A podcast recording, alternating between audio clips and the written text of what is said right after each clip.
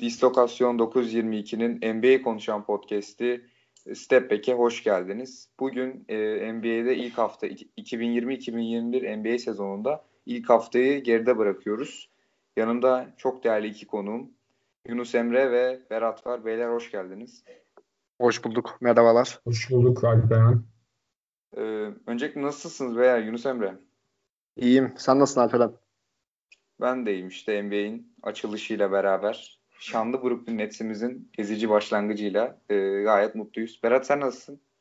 Ee, Alperen ben de teşekkür ederim genel anlamda. NBA özelinde de tuttuğum takımlar genelde mağlup oldu.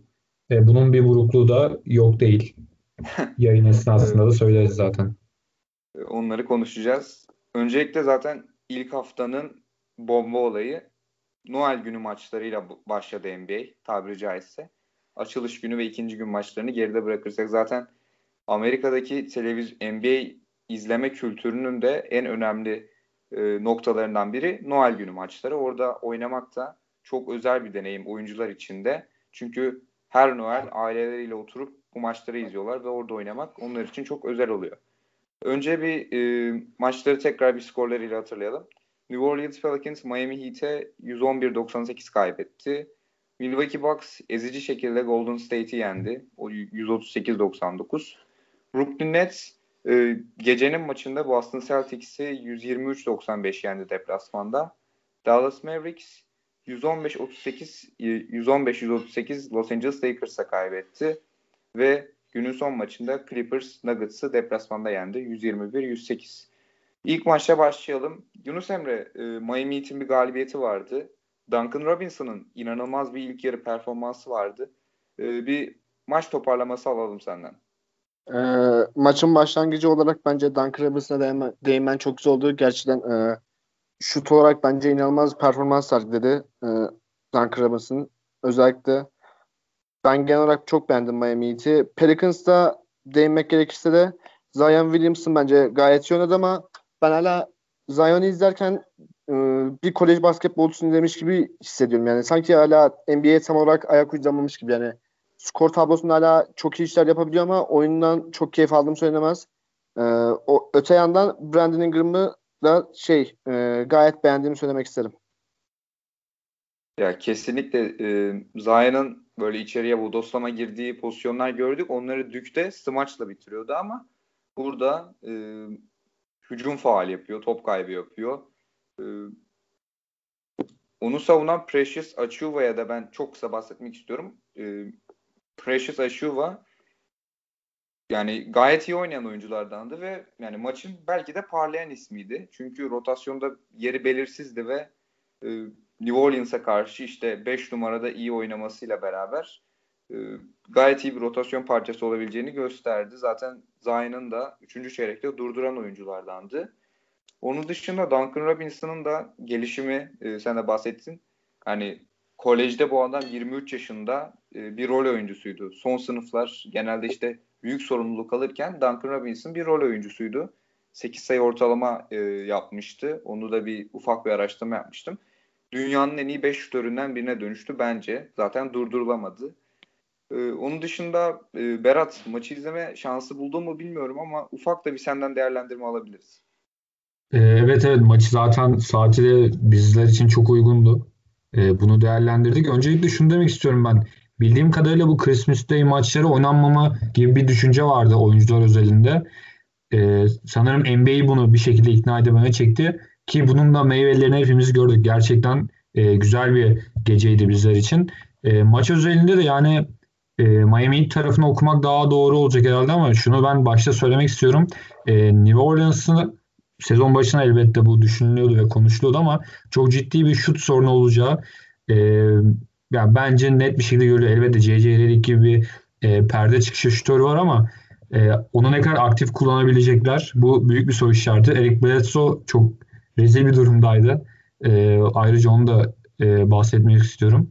New Orleans Pelicans özelinde. E, ya Miami düzen takımı. Geçen sene de zaten finale kadar buraya gelmeye başardılar finale kadar e, bir sistem takımı. Avery Bradley bence çok uygun bir takviye olmuş. Diğer takımlarda ya bilmiyorum e, siz daha iyi bilirsiniz belki ilgilenenler elbette vardır ama e, Miami yapısına da çok e, nokta atışı uyan bir e, ekleme. Onun dışında Leonard'la ilgili de bir cümle kurmak istiyorum. Orta sahadan bir üçlük denedi. Bir daha denememesi yönünde tavsiyelerimi de iletiyorum. Kötü bir şuttu.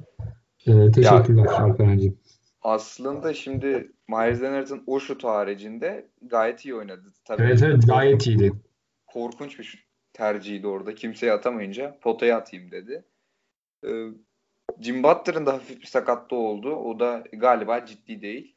Ama e, NBA'de e, 2020 Noel günü maçlarının ilkinde Miami Heat galip ayrıldı. İkinci maç Alperen bir şey sorabilir miyim size?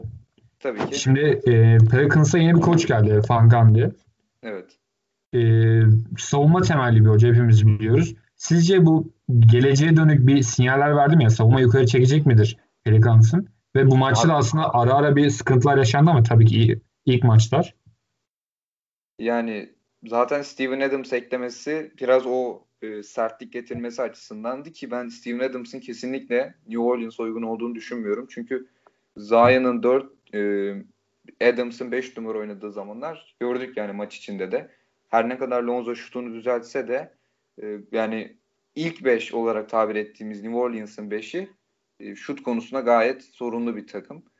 Onun dışında Stan Van Gundy'nin işte Zion'la Lonzo'nun e, tempo yapmak istediği oyun stili nasıl yönlendireceği, nasıl ikna edeceği bence asıl e, problem.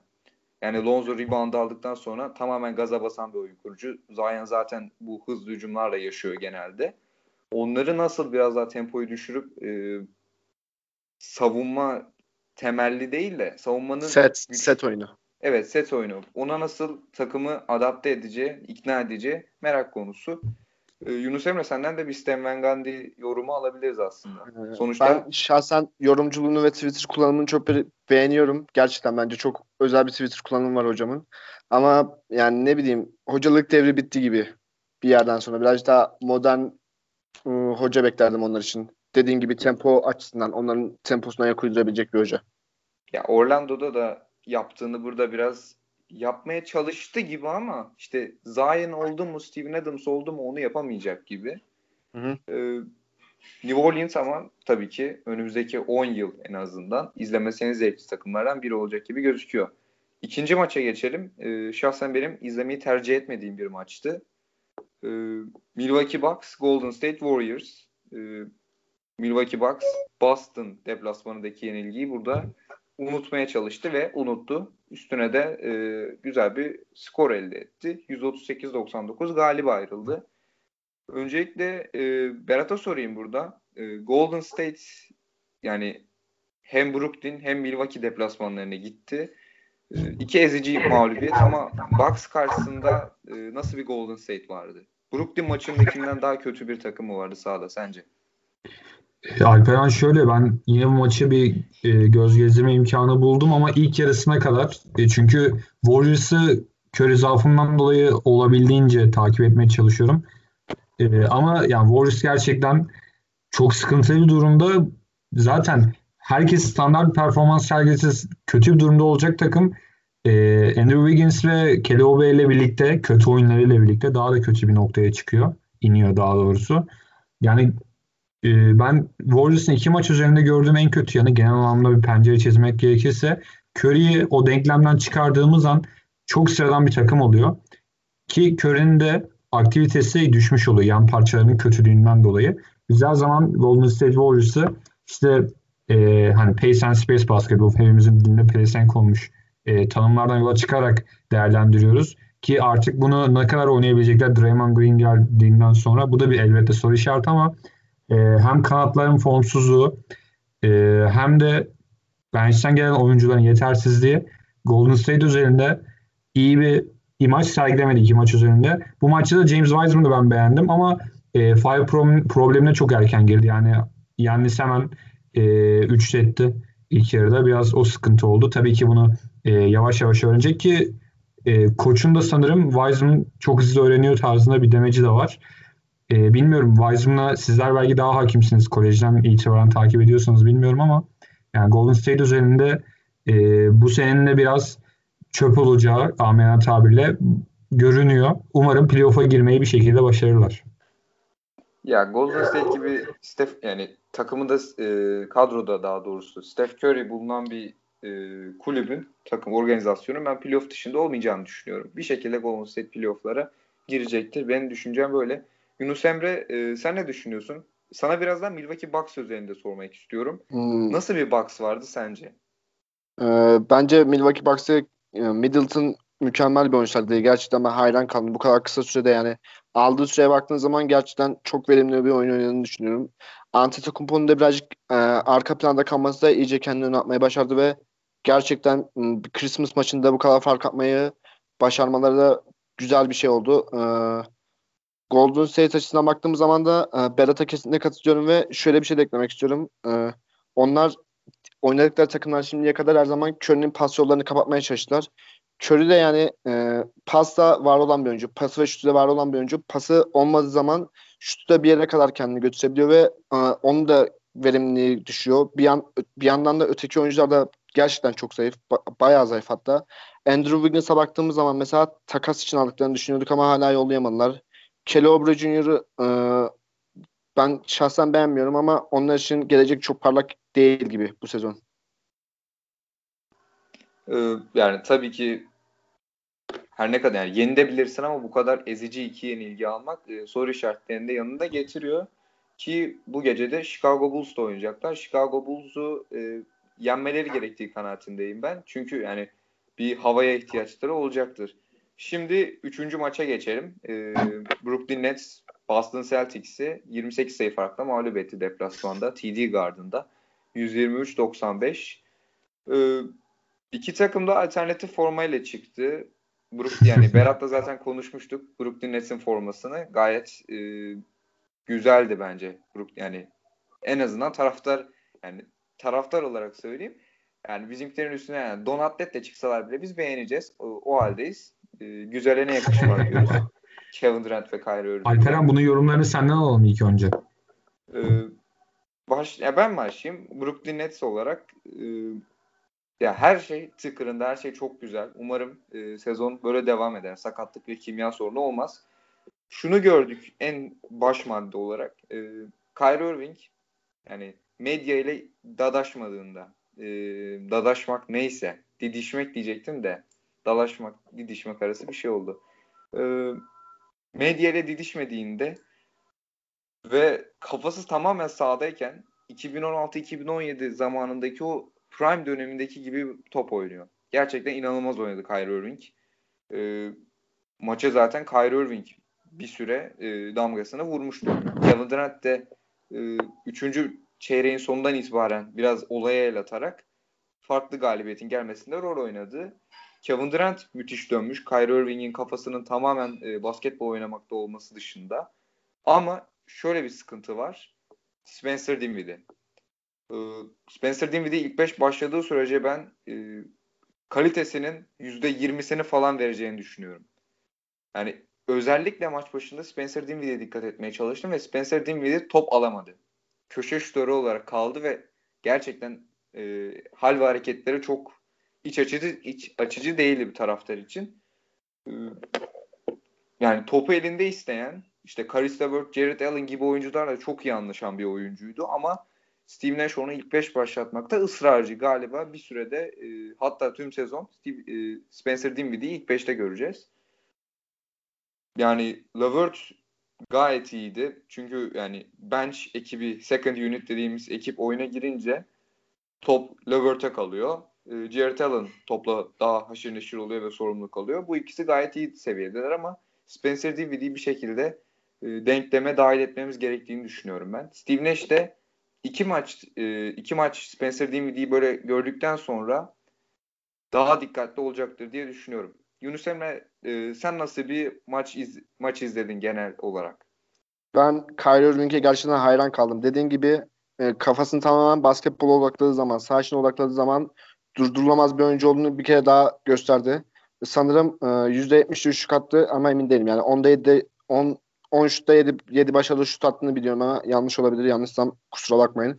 Ee, bir yandan da Kevin Durant'in sanki hiç aşı sakatlığı yaşamamış gibi davranmasından aşırı mutluyum. Yani sadece ilk adımını atarken hafif bir sakatlık geçmişinin belli belli olduğu gözüküyor. Onun dışında bence mükemmel oynuyor. Öteki yandan e, Joe Harris e, bence güzel oynuyor. E, Lavert'i çok beğeniyorum ama dediğin gibi Dinwiddie'yi bir çare bulmak zorunda gibi Brooklyn Nets. Çok kısa şeyden de bahsedeyim. Joe Harris de zaten o çeki yani bahsettiğim işte Dinwiddie, Levert ve Allen'ın dışında Joe Harris de bu çekirdek tayfanın içindeydi. Joe Harris de aslında yani tamam bir köşe şutörü olarak e, kullanılıyor ama e, 5-6 top kullandı. 4 yıl 75 milyon dolarlık kontratı imza attı kendisi de. Ama yani onun da 5-6 şut atması yine ufak bir sıkıntı ama çok göze batmıyor. Ee, onun dışında Berat sen nasıl mücadele izledin yani? Çok çekişmeli geçmesi beklenen bir maçı Brooklyn 3. çeyreğin ortasında Kevin Durant'in olaya el atmasıyla son çeyreği çok rekabetçi bir maç izletmedik. İzletmedi Sen nasıl bir maçı izledin? E, abi öncelikle ben şunu demek istiyorum. Yani Brooklyn hep sezon başında o gereken uyumu sağlayabilecek mi? Yani mesela Kyrie Irving gibi bir yani sor, zorunlu, sorumlu bir karakter var. Konuşamadım. Gerçekten NBA'nin en sorumlu karakteri olabilir belki de. E, hal böyleyken elbette takımın uyumu e, düşünülüyor. Kafalara ilk gelen soru. Ama bu takım o net uyumu yakaladığında gerçekten yani NBA'deki bence birçok takıma karşı büyük bir siklet farkı var.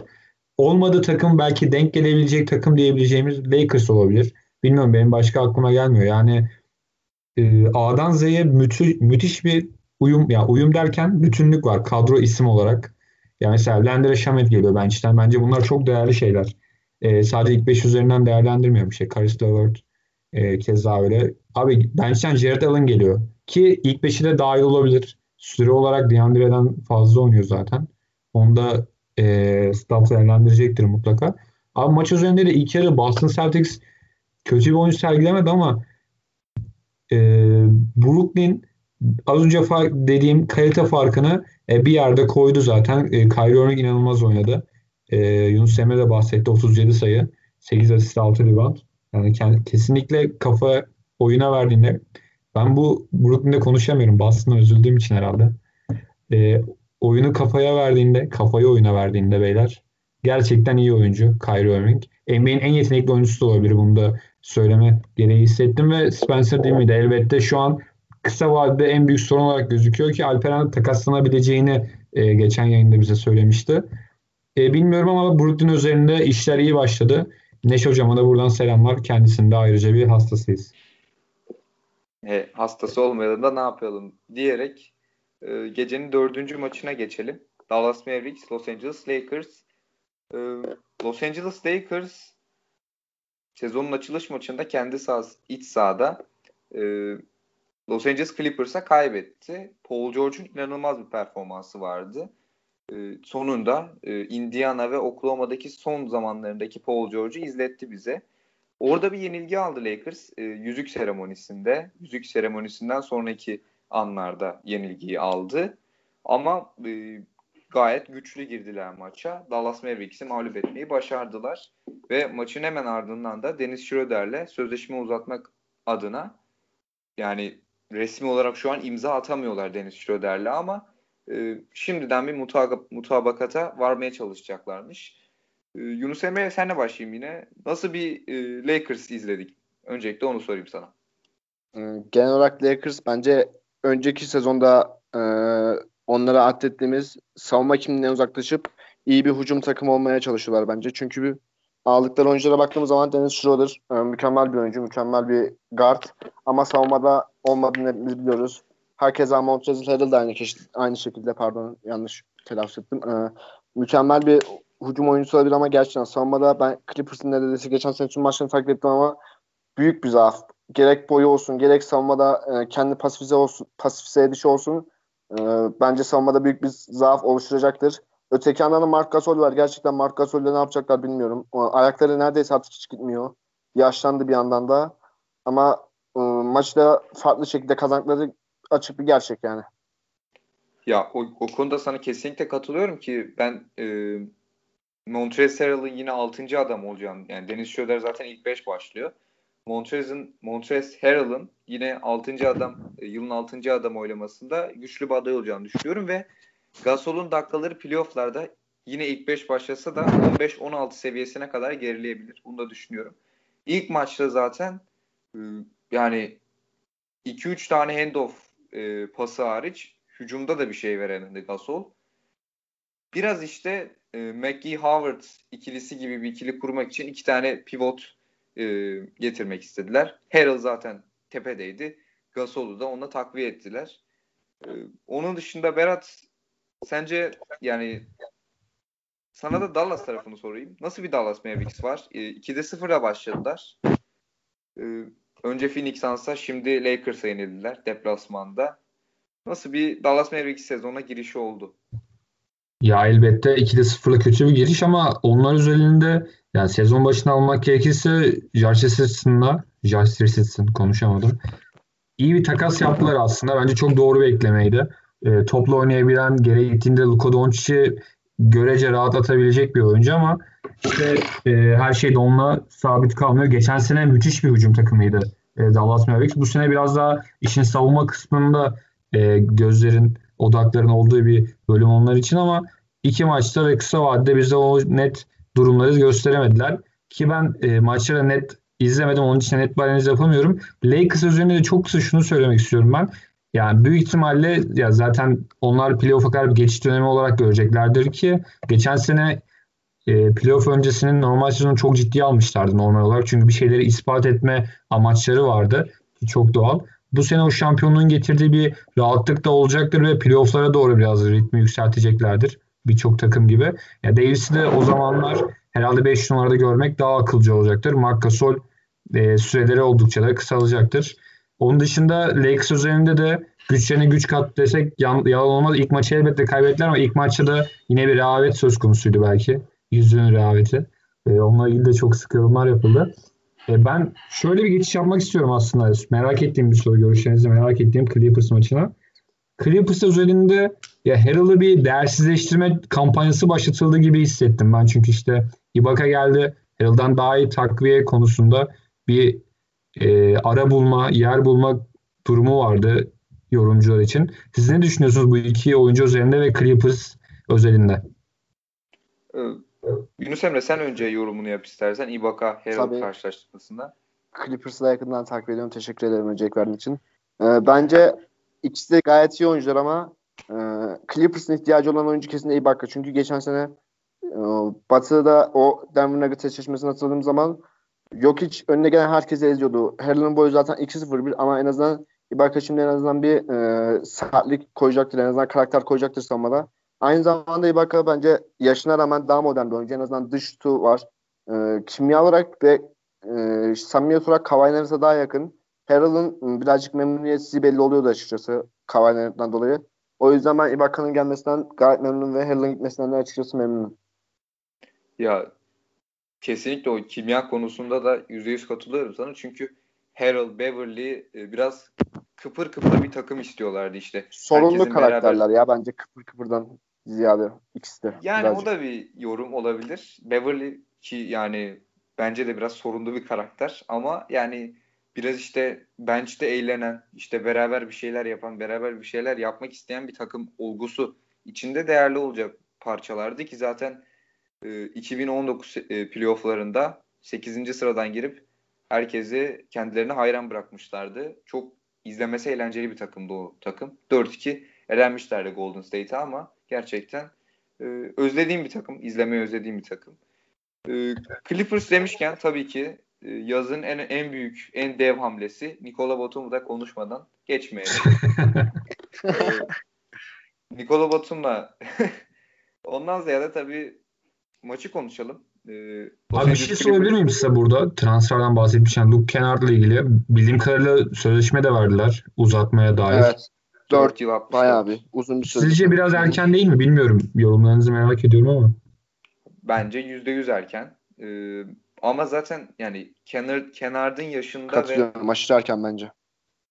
Yani yani erken olmakla beraber Yani 24 yani o kontratı bir şekilde alacaktı. Yani 4 yıl 64 olmazdı da 4 yıl 48 falan olurdu ki o 4 yıl 16 milyon dolarlık boşluk e, hamle oyuncusu şansı verebilir. E, minimumların dışında bir de. Yani 24-25 yaşında bir oyuncu zaten yapacağı e, belirli şeylerle bir kontrat alacaktı ama ben bu kadarını beklemiyordum. Rudy Gobert'ten sonra en soygun vari uzatma olabilir belki de. Ee, Yunus Emre senden de işte kenar yani Clippers'ı yakından bir takip eden biri olarak kenar kontratı alalım. Sonra yazın dev hamlesiyle maça geçelim. Bence gerçekten erken bir hamle yani. Ama ben genel olarak beğendim. Topa yere, topu yere vurabiliyor. Savunmada da varlık gösterebiliyor ama birazcık erken. Ee, tabii bir yandan acele alınmış bir karar olarak gösteriyorum front office'in. Yani önceki senenin başarısını e, böyle küçük hamlelerle e, kapatmak, yamamak o, olarak görüyorum ben açıkçası. Ee, maça geçelim. Los Angeles Clippers 121-108 mağlup etti Denver Nuggets'ı deplasmanda ve Batı'yı ilk üçte bitirmesini beklediği e, çoğu kişinin Batı'yı ilk üçte bitirmesini beklediği e, Clippers, Lakers ve Nuggets e, bu üç takım Clippers ikisinde deplasmanda yenerek sezona başladı. Paul George'un e, 2026'ya kadar bir sözleşme uzadı. Yani sezon sonu bitecek sözleşmesini 5 yıl daha uzattı ve Clippers'ın ona ne kadar değer verdiğini gördük. E, çokça soru işareti olmuştu aslında medyada e, Paul George'un durumuyla ve bu kontratla ilgili. Ama Paul George Lakers maçının ikinci yarısından itibaren e, gaza bastı ve harika oyununa devam ediyor. E, Yunus Emre sence nasıl bir Clippers vardı? Nuggets tarafını Berat'a sormak istiyorum biraz daha. Tabii, tabii ki. Ee, ben Clippers'ı oynanan iki maçta da gerçekten çok beğendim. Ee, özellikle e, Paul George önceki senedeki başarısını kesinlikle telafi etmek istiyor. Bunu hem maç sonunda verdiği demeçlerden anlayabiliyorsunuz. E, hem oynayış biçimini anlayabiliyorsunuz. Gerçekten o takım bence uyumlu bir takım olmaya yavaş yavaş gidiyor. Yani bazı kimya eklemeleriyle, bazı oyuncu hırslarıyla e, acı en büyük motivedir diye videoda paylaşmışlar. Ben baktım onlara YouTube'dan. Gerçekten bu sene biraz daha takım gibi gözüküyorlar. Öteki yandan e, Batum ya bitmiş deniyordu ama bence e, Christmas maçında gerçekten çok beğendim. Nasıl desem ki bir benzetme gördüm ve benim çok hoşuma gitti açıkçası. E, Nikola Batum yeni Andre Iguodala olacak. Nasıl e, Golden State'de Andre Iguodala nasıl o işleri yapıyorsa Clippers'ta da Batum'u yapacağını düşünüyorum. Ben gayet beğendim şu ana kadar. Abi bir de Iguodala'nın çok daha iyi şut atan bir hali. Yani savunmada tabii evet, ki Andre evet. Iguodala seviyesine çıkamayacaktır. Ama en azından orada e, korkuluk gibi beklemeyecek en azından. Hı. Şut sokuyor. Bir de e, maç sonunda. Birazcık korktuk Cavali'den açıkçası. Ben şahsen çok beğendiğim oyuncu ve çok sevdiğim oyuncu. Bayağı korkutucu anlar yaşadık ama 8'lik 8'lik kişi dışında sanırım ciddi bir durum yok. Hatta bir gün oynayabilir. Yani daha doğrusu question, questionable diyorlar. Ee, büyük ihtimalle oynayacaktır diye düşünüyorum. Ya ben e, oynamayacağını düşünüyorum. Sonuçta Dallas'ta oynuyorlar ama ben oynamayacağını düşünüyorum. E, sezon başında en azından risk etmeye gerek Hı. yok. E, ulusal televizyon maçı diye bir ceza kesimi olabilir. Ama evet. e, Clippers'ın ben yani ne kadar ceza keser yani 100 bin dolar falan Aynen. keseceklerdir maksimum. E, Kavay'ın sağlığını o rakama değişebileceklerini düşünüyorum. E, bir de değişe... açıkçası çok sağlıklı bir oyuncu da değil. Yani ben seviyorum ama sağlık açısından sürekli bir oyuncu değil. Bence de o yüzden şimdi baktığın zaman dediğin daha mantıklı. Ee, Berat, Denver Nuggets tarafı e, sezonu 2'de 0'la başladılar. Buddy Hield'ın inanılmaz e, putback maç kazandıran sayısıyla ilk maçı kaybetti. Kesinlikle e, win yazdıkları bir maç Amerika, Amerikalı tabiriyle. Onu kaybettiler. Bugün Clippers'a yenildiler. E, zaten yazın güç kaybeden takımlarından biri olarak Aynen. gösteriliyorlar. Ben de ona değinecektim direkt. Ee önce buyur. maç genelinde sonra e, ufaktan bir Nuggets şeyi alabilirim senden. Ya abi şimdi e, elbette iki mağlubiyetle başladı ama Nuggets özelinde çok kötü bir pencere çizmeye gerek yok. Öncelikle ben şimdi düşünüyordum hafızamı bir yokladım da geçen sene Denver'la ilgili ne düşünüyorsun diye sorsa herhalde şu an bugünü hayal edemezdim. Yani e, Bubble'da inanılmaz bir Jamal Murray performansı. Çok başka bir seviye çıktı. E, Nikola Jokic hep oradaydı takımın lideri olarak. E, gerçekten çok değerli bir oyuncu. Çok değerli bir parça. Ama burada bence sezonun özelinde e, Denver için en önemli sorun Jeremy Grant'in boşluğunu nasıl tamamlayacaklar? Bence bu biraz belirleyici olacak. E, kendisi de e, iyi bir kontratla Detroit'e gitti. E, akıbeti nasıl olacak bu takımın? Ben pek kestiremiyorum ama e, bu da her zaman bahsettiğimiz gibi işte Boston gibi ya da Miami gibi bir düzen takımı. E, oyuncular da Michael Porter Jr. bu sene net çıkacak. Umarım sakatlık problemi yaşamaz. E, geçen sene keza o da çok iyiydi. E, yani Demir üzerinde kötü bir yola gitme, girmeye gerek yok ama e, bakalım zaman neler gösterecek demekten başka da bir şey gelmiyor içimden. Ee, ve bu şekilde de Noel gününü kapatmış olduk. 5 tane güzel maç e, ekranlardaydı. Çok e, rekabet açısından izleyiciler e, istediğini bulamadı. Katılıyorum. Yani Clippers Nuggets maçı biraz daha yakındı. Ee, onun ya, dışında heyecanı vardı sadece ya. Maç heyecanı o kadar. Evet. E, Noel günü de 5 maçta tamamlamış olduk NBA. E, NBA'in açılış haftasında. Zaten NBA'in de bu hafta başlamasının asıl nedeni bu maçlardı. E, ufak bir ikinci bölümümüz var. İkinci bölümümüzde birkaç satır başını e, değerlendirmeye çalışacağız. Öncelikle e, Clippers'a değindik ama şimdi hafif biraz daha detaylı e, Los Angeles Clippers'ın yazından ve ilk haftasından konuşacağız. Los Angeles Clippers dediğimiz gibi Lakers'ı ve Denver Nuggets'ı deplasmanda yenerek sezona başladı. Ibaka eklemesi Yunus Emre de bahsetti.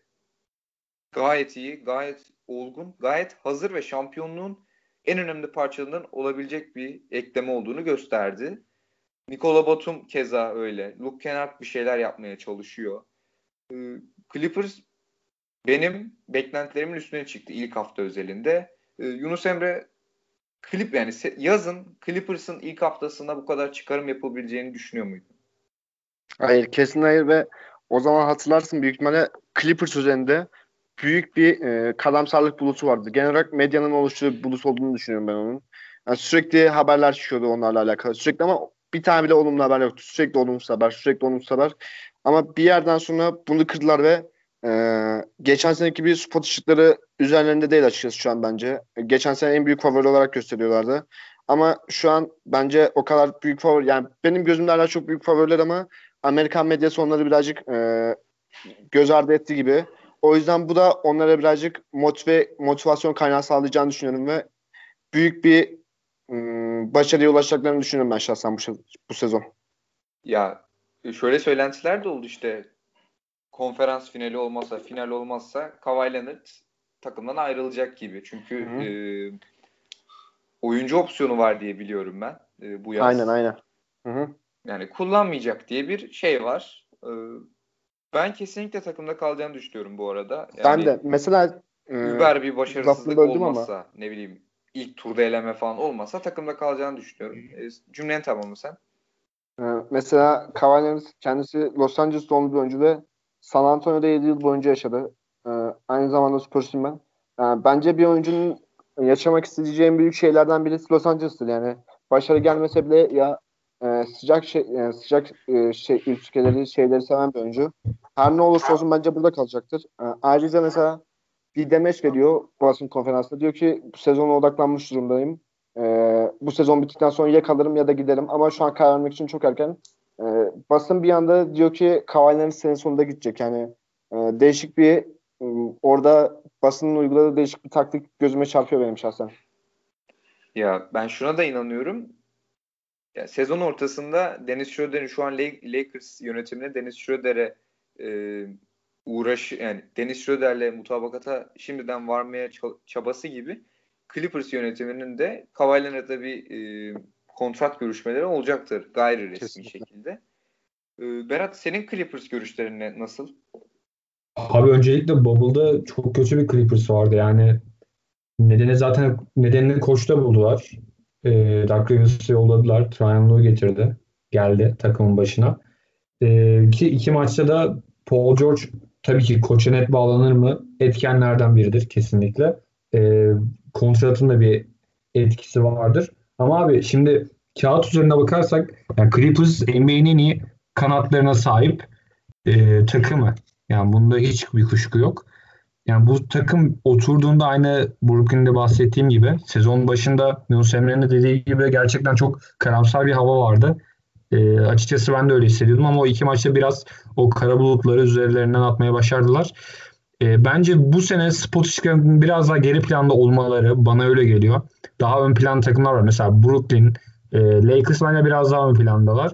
Bir adım arkada durmaları onlar için fayda sağlayabilir diye düşünüyorum. Belki de baskıyı kaldıramadılar. Ben baskıyı kaldırma fikrine zaten e, temelinden karşıyım. Yani oyuncular bu olduğu için yani Kawhi Leonard var, Paul George ve baskıyı kaldıramıyoruz. Bu tarz e, şeyler de okudum ama çok akıl kârı gelmiyor. Bir sorun vardı. Umarım halletmişlerdi. Çünkü iyi bir Clippers izlemek bence hepimizin hakkı. Bu oyuncular çok değerli çünkü. Yapı da çok iyi. Kesinlikle e, yani Clippers benim yine Lakers'ın arkasındaki e, batıdaki ikinci favori takımım e, şampiyonluk yolunda. Clippers'a ufaktan e, nokta koyalım. Houston Rockets e, yazın en çok konuşulan belki de takımıydı.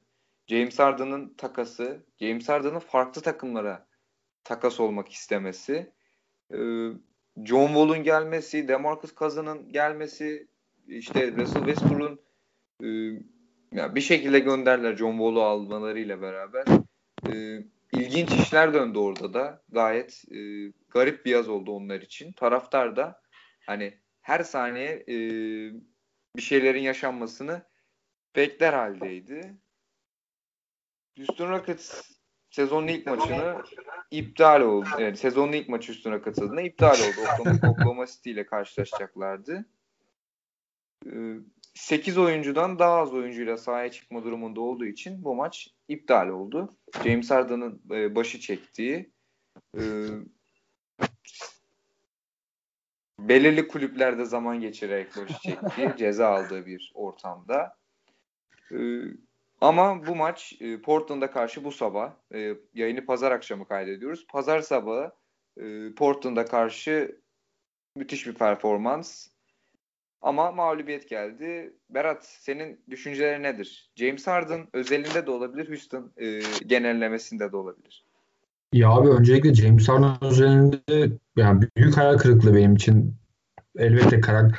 Ya şimdi şöyle büyük oyuncu karakteri ego denen kavram bence herkeste bir limitte bulunması lazım. Belki üst düzey oyuncularda daha da fazla bulunabilir. Sorun değil. Ki artık e, günümüz konjonktüründe oyuncular takım yönetiyor. Bu bir gerçek.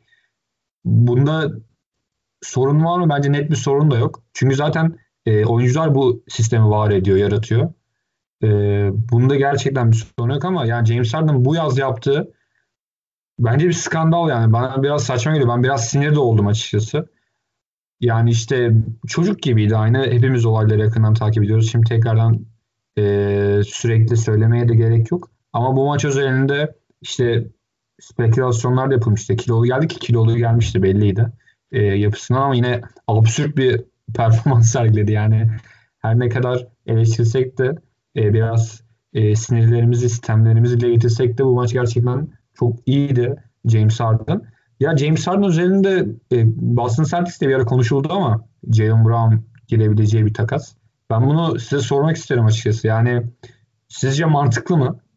İki taraf açısından da nasıl değerlendirirsiniz? Bir de şunu sormak istiyorum. Christian Wood sonra ben de e, kendim bunun e, cevabını vereceğim ama Christian Wood sizce doğru bir takviye mi e, Houston için? Biraz sezon başı değerlendirmesi oluyor mu? Ya bence %100 Christian Wood çünkü e, free agent yani serbest oyuncu piyasasının bence imzalamaya en değer uzunuydu e, sahaya getirdikleri takıma seviye atlatma eşiğinde olmasıyla beraber bir yani e, sunabileceği çok şey vardı. Şut, birebir, e, hem sırtı dönük hem e, potaya bakarak oyundaki gelişimi. Chris Wood kesinlikle doğru hamle ve James Harden'ın da ben e, Houston Rockets dışında bir takımda tamamen kendi e, Houston'da şu an sunduğu şeyleri sunamayacağını düşünüyorum. Ee, Yunus Emre sen ne düşünüyorsun bu konuda? Bence kesinlikle James Harden e, karakter ve e, iş disiplini olarak sınıfta kaldığını düşünüyorum. Gerçekten e, Berat'ın dediği gibi gerçekten çocuk gibi davrandığını düşünüyorum mesela. sadakat denilen şey bence oyuncularda günümüz dünyasında çok yok ama en azından hala birazcık kontrata bağlılık açısından bence birazcık hala olmalı. Mesela e, antrenman kampına geç kalması, sürekli gece kulüplerinde şehirden şehre hatta yakadan yakaya batı yakasından doğu yakasına, doğu yakasından batı yakasına kadar uzanan gece kulüpleri trafiğine girmesi bilmiyorum bence gerçekten çok komik bir durum onun için ve Houston Rockets için umarım, umarım onun için işler yoluna girer. Ya bir de şöyle bir şey var. Ee, yanlış bilmiyorsam Houston Rockets bir yaptırım uygulamadı James Harden'a. NBA yönetimi. Ee, koronavirüs protokolünü ihlal ettiği gerekçesiyle 50 bin 50 bin 50 dolar. bin evet. dolar. Aynen. Öyle bir ceza yani. Houston Rockets'ın burada hiçbir şey olmamış gibi devam etmesi ilginç. Yani her ne kadar e, franchise tarihinin en iyi e, ta, yani en iyi ve en önemli 5 oyuncusundan biri James Harden. İşte Hakimi var, Tracy McGrady, Yao Ming'i var. E, James Harden oraya giriyor işte. Kyle Drexler e, kariyerinin biraz sonunda geldi ama yani James Harden Houston Rockets'ın en önemli, tarihinin en önemli oyuncularından. Son 10 yıldaki en büyük oyuncusu. Evet, e, majör bir başarı alamamış olmasına rağmen takımla beraber çok fazla pasif kaldığını düşünüyorum ben Houston yönetiminin. E, sezon içinde de e, işte o Kentucky Blood diye geçiyor. E, John Wall ve DeMarcus Cousins 2010'da Kentucky'de e, bir yenilgili sezonda e, harikalar yaratmışlardı. NBA kariyerleri tam beklenen yerde olmadı yani. Seçildikleri günle şu anki rolleri, durumlar arası e, potansiyel fark olarak biraz fazla. E, tam beklentiye ulaşamadılar. Gene harika NBA kariyerleri geçirmelerine rağmen e, Houston'da 4 oyuncu hala e, koronavirüs sağlık protokolü gerekçesiyle maçlara çıkamayacak. E, yani sezon başı benim tahminim James Harden'sız, James Harden'ın gideceğini düşünüyordum ben. James Harden'sız bu takımın playoff yapamayacağını düşünüyordum. Ama James Harden geldi, John Wall gelecek, DeMarcus Cousins fena gözükmedi hazırlık maçlarında. İlginç şeyler olabilir. Ee, yani Rockets ekibini her maçla beraber bir kamera götürmek şart oldu. Çok eğlenceli bir belgesel çıkabilir. Ee, yavaştan da programı kapatmaya e, doğru gidiyoruz. Haftanın Alperen takım ve haftanın oyuncusu e, seçimimiz var. Tamamen söyleyelim aynen.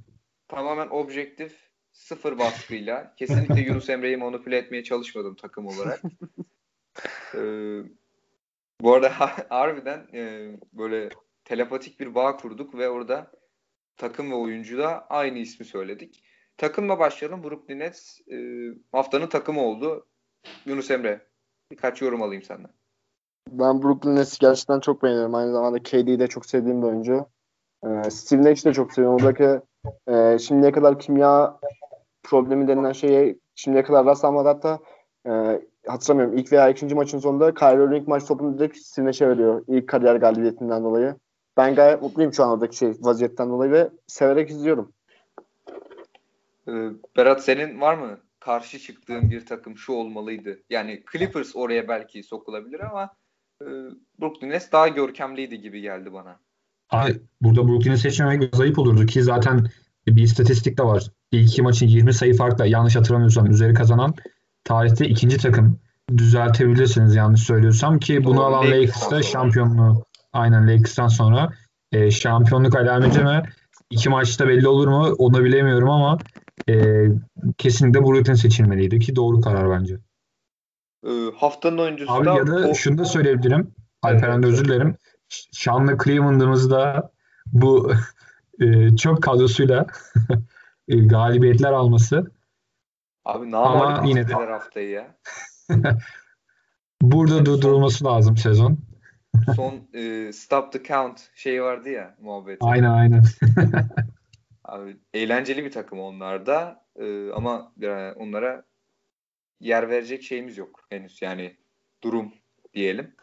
Kesin. Haftanın oyuncusu Paul George. Zaten e, Yunus Emre gayet iyi özetledi durumunu. Kendini ispatlaması gerektiği, kafasını tamamen oyuna verdiği e, durumu vardı. İki, yani maçın başında çok savruk yani Lakers maçının başında çok savruk bir Paul George izledikten sonra e, son bir buçuk maçtır çok komple e, tamamen skoru bulmada, kazanmada e, kararlı bir Paul George vardı. Berat sen bu haftaki Paul George performansını nasıl değerlendirirsin? Valla Paul George sezon başında yaptığımız ya bu adama da şimdi bu kontrat verilir mi sözlerine yüzümüze tokat gibi vurdu açıkçası. Ee, umarım böyle devam eder. Tokat yemeye biz devam ederiz. Çünkü ben yani Paul George'a Indiana zamanına aşık olmuştum. O Indiana Miami serileri falan. Her ne kadar Miami geçse de turu e, çok daha e, bir Indiana sevdalısı. Aynı zamanda Paul George sevdalısı olmuştum. E, gerçekten iyi bir nüveydi o aynı zamanda. Yani o günleri yine elbette sakatlıklar yaşadı ama e, bu sezon kalıcı bir şekilde devamlı olacak şekilde izletirse bu hafta olduğu gibi e, naçizane çok mutlu olurum. Umarım böyle devam eder ki hak etti bu haftanın ödülünü. Ee, Yunus Emre senden de yorumu alalım. Oradan da e, programı kapatmaya doğru ilerleyelim. Ben de şahsen çok beğendim. Özellikle skoru bulmasından e, bir kenar koyarsak skoru bulmasını e, pas olarak da gayet beğeniyorum. Hem onu hem Leonard'ı ikisi de e, ortalama üstünlüğü hatta iyiye yakın bir pasöre dönüştü. Özellikle Paul George 9 asist yaptı. Şu an e, iki maçta ortalaması 6 asist ve daha önce hiç ortalamaya ulaşmadı.